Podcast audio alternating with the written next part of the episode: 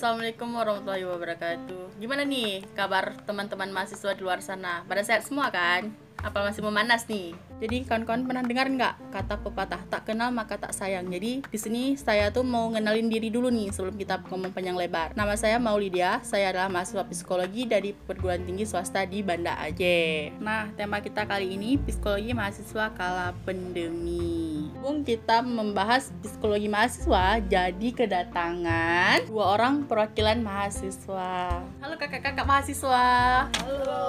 Boleh kenalin nggak nih siapa-siapa aja nih nama kakak-kakak nih? Halo semuanya, kenalin nama saya Rifka Wajihi. Saya jurusan psikologi dari salah satu perguruan tinggi swasta di Banda Aceh. Halo semuanya, nama saya Nurhaliza dari Fakultas Psikologi juga. Jadi ada beberapa nih persoalan yang mau kita bahas. Jadi Lida ingin bertanya nih dengan kakak-kakak, selama pandemi kegiatan apa nih yang mengisi hari-hari kakak? Kalau dari saya pribadi, berhubung karena di rumah sama aja seperti hal biasanya. Cuman karena kita harus di rumah, nggak boleh ke mana-mana, karena lagi pandemi gini ya lebih banyak rebahan otomatis. Saya mewakili dari semuanya ya otomatis lebih banyak rebahan mengerjakan tugas-tugas seperti perempuan lah ngerjakan tugas-tugas rumah masak cuci piring karena berhubung saya di rumah ini seorang kakak seorang ibu dan seorang anak jadi Oh. banyak hal yang saya kerjakan Kalau Lisa sendiri ya, Lisa di rumah aja bareng ponakan kayak main sama mereka, ngajarin mereka belajar juga. Karena kan Lisa di sini tinggal sama kakak, jadi lebih banyak lah ya menghabiskan waktu sama mereka gitu. Berarti ada sisi positifnya nih selama di rumah, lebih banyak waktu untuk keluarga. Nah, saat ini kalian para mahasiswa tidak kuliah dengan tatap muka kan? enggak kita dengan kuliah online Nah, menurut kalian apa sih yang mempersulit kalian secara online ini? Menurut Lisa ya, yang mempersulit kuliah daring seperti ini, kita tuh setiap saat harus stay di layar gadget. Tapi kalau masalah di jaringan sih nggak ada ya, alhamdulillah nggak ada. Ya karena kan berhubung saya sendiri kan masih di Banda Aceh, ada masalah kan sama jaringannya. Nah, kemudian yang mempersulit lagi sih kita tuh kayak cepet bosan aja, lelah sama tugas-tugas yang dikasih sama dosen gitu. Itu aja sih yang dari Lisa sendiri. Kalau menurut saya, karena teman saya udah berbicara masalah di Banda Aceh, berarti nggak ada keluhan nih, nggak ada kesulitan dalam Ya. se- belajar online-nya. Tapi kalau saya mewakili dari teman-teman saya yang di luar sana, yang di kampung, yang berada saat ini di kampung, mereka kan harus pulang nih, karena lagi pandemi harus pulang berkumpul dengan keluarganya. Jadi mereka banyak yang di kampungnya itu kesulitan jaringan. Kesulitan jaringannya tuh mereka sampai harus naik pohon untuk mendapatkan jaringan. Ketika angin badai mereka mati lampu, kalau mati lampunya Hmm. jadi jaringannya juga terputus kayak gitu.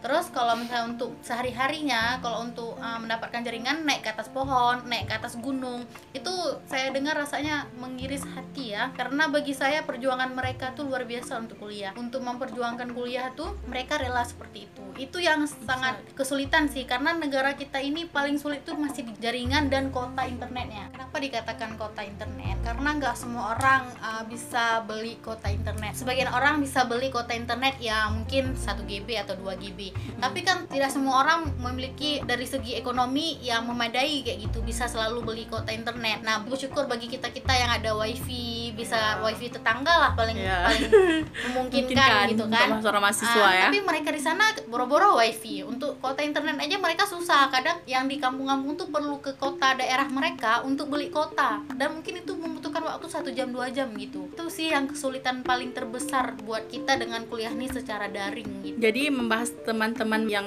di kampung, solusi terbaik dari kalian selama kuliah daring ini apa? Buat teman-teman kita semua yang jaringan atau kotanya sudah memadai, kita harus lebih peduli kepada teman-teman kita yang masih kekurangan dalam mengakses apa pun gitu. Karena mereka dalam kondisi mereka di kampung. Seandainya mereka bisa kemari dan memiliki izin pasti mereka kemari juga kuliah sama-sama dengan kita. Tapi karena kondisi seperti ini yang harus kita sama-sama memaklumi harus kita sama-sama mengayomi teman-teman kita kita bantu teman-teman kita dalam kondisi seperti ini. Misalnya ke ketika dosen masuk pada saat kayak gitu kita bantu teman kita kita gitu. Saya dia lagi uh, nggak ada kabar terus kita bantu mengutarakan ke dosen bahwa teman kita tuh uh, memang masalah di jaringan makanya dia nggak ada kabar gitu. Saling membantu lah kita saling membahu sama-sama teman. Kalau mungkin masalah dengan tatap muka kita bisa kalian-kalian kami-kami bisa sendiri-sendiri. Tapi kalau dengan pandemi ini kita harus lebih ke sisi kekeluargaan tuh sama teman-teman tuh Harus ada, gitu. Oke, apa nih uh, kira-kira yang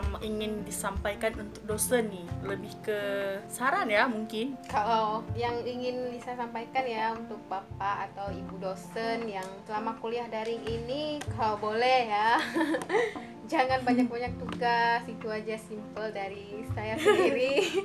karena karena gini, karena kan dengan banyaknya tugas biasanya tuh mahasiswa-mahasiswa itu kan bisa cepat stres, lelah dan sebagainya gitu. kayak Lisa bilang tuh bener kali.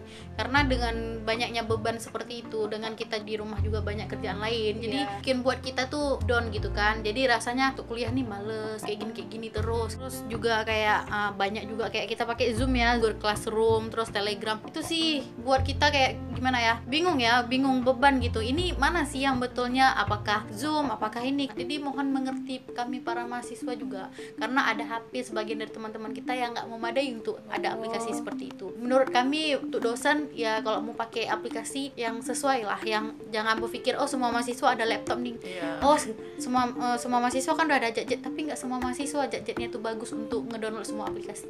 Nah lebih balik ke situ sih menurut kami. gitu. Oke, jadi pesan yang ingin disampaikan nih untuk Menteri Pendidikan dan Kebudayaan Republik Indonesia nih apa? Buat Bapak Menteri atau Ibu Menteri yang di luar sana, kami ingin sampaikan kami lelah seperti ini. Kami rindu teman-teman kami. Kami ingin berjumpa dengan teman-teman kami semua, ingin berkumpul kembali karena dengan seperti ini kan sama-sama tidak efektif ya Lisa ya. Miscommunication juga tuh dengan kuliah seperti ini. Kami juga di sini membutuhkan bantuan. Kalau memang mengharuskan kuliah seperti ini, kami membutuhkan bantuan dari kota internet. Sampai saat ini kita belum terima ya bantuan kota internet. Mungkin sebagian dari eh, perguruan tinggi lain udah ada, tapi kami pribadi belum terima. Kan banyak juga orang di luar sana belum terima. Nah, itu yang kami butuhkan. Terus bagi mahasiswa mungkin ada yang jet-jetnya yang nggak bagus lagi. Mungkin lebih ke situ lah diperhatikan karena kan ini dengan masalah pandemi ini semua orang kayak saya lihat ya, ini nggak cuma mahasiswa ya, pada anak-anak juga yang Sekolah. sekolah eh, sekolah juga kan kita lihat kayak adik-adik Iya. kita. Kalau iya orang tuanya ada jet-jet, kalau nggak ada gimana? Kalau ada HP gimana? Kan sayang kan. Iya. Eh, terus ada orang tua yang memang nggak bisa pegang HP. Terus ada orang tua bukan anaknya yang sekolah tapi orang tuanya yang jadinya sekolah gitu. Menurut saya ini yang, yang perlu diperhatikan oleh Bapak sama Ibu Menteri untuk lebih memprihatinkan kami lah dengan kondisi kami. Jadi yang dapat kita simpulkan dari sharing hari ini, untuk-untuk mahasiswa yang ingin kalian utarakan. Inilah yang sebenarnya keadaan psikis para mahasiswa. Buat Kak Alisa dan Kak Rifka, terima kasih udah mau sharing-sharing hari ini dengan meluangkan waktunya. Saya Maulidia, pamit undur diri. Assalamualaikum warahmatullahi wabarakatuh.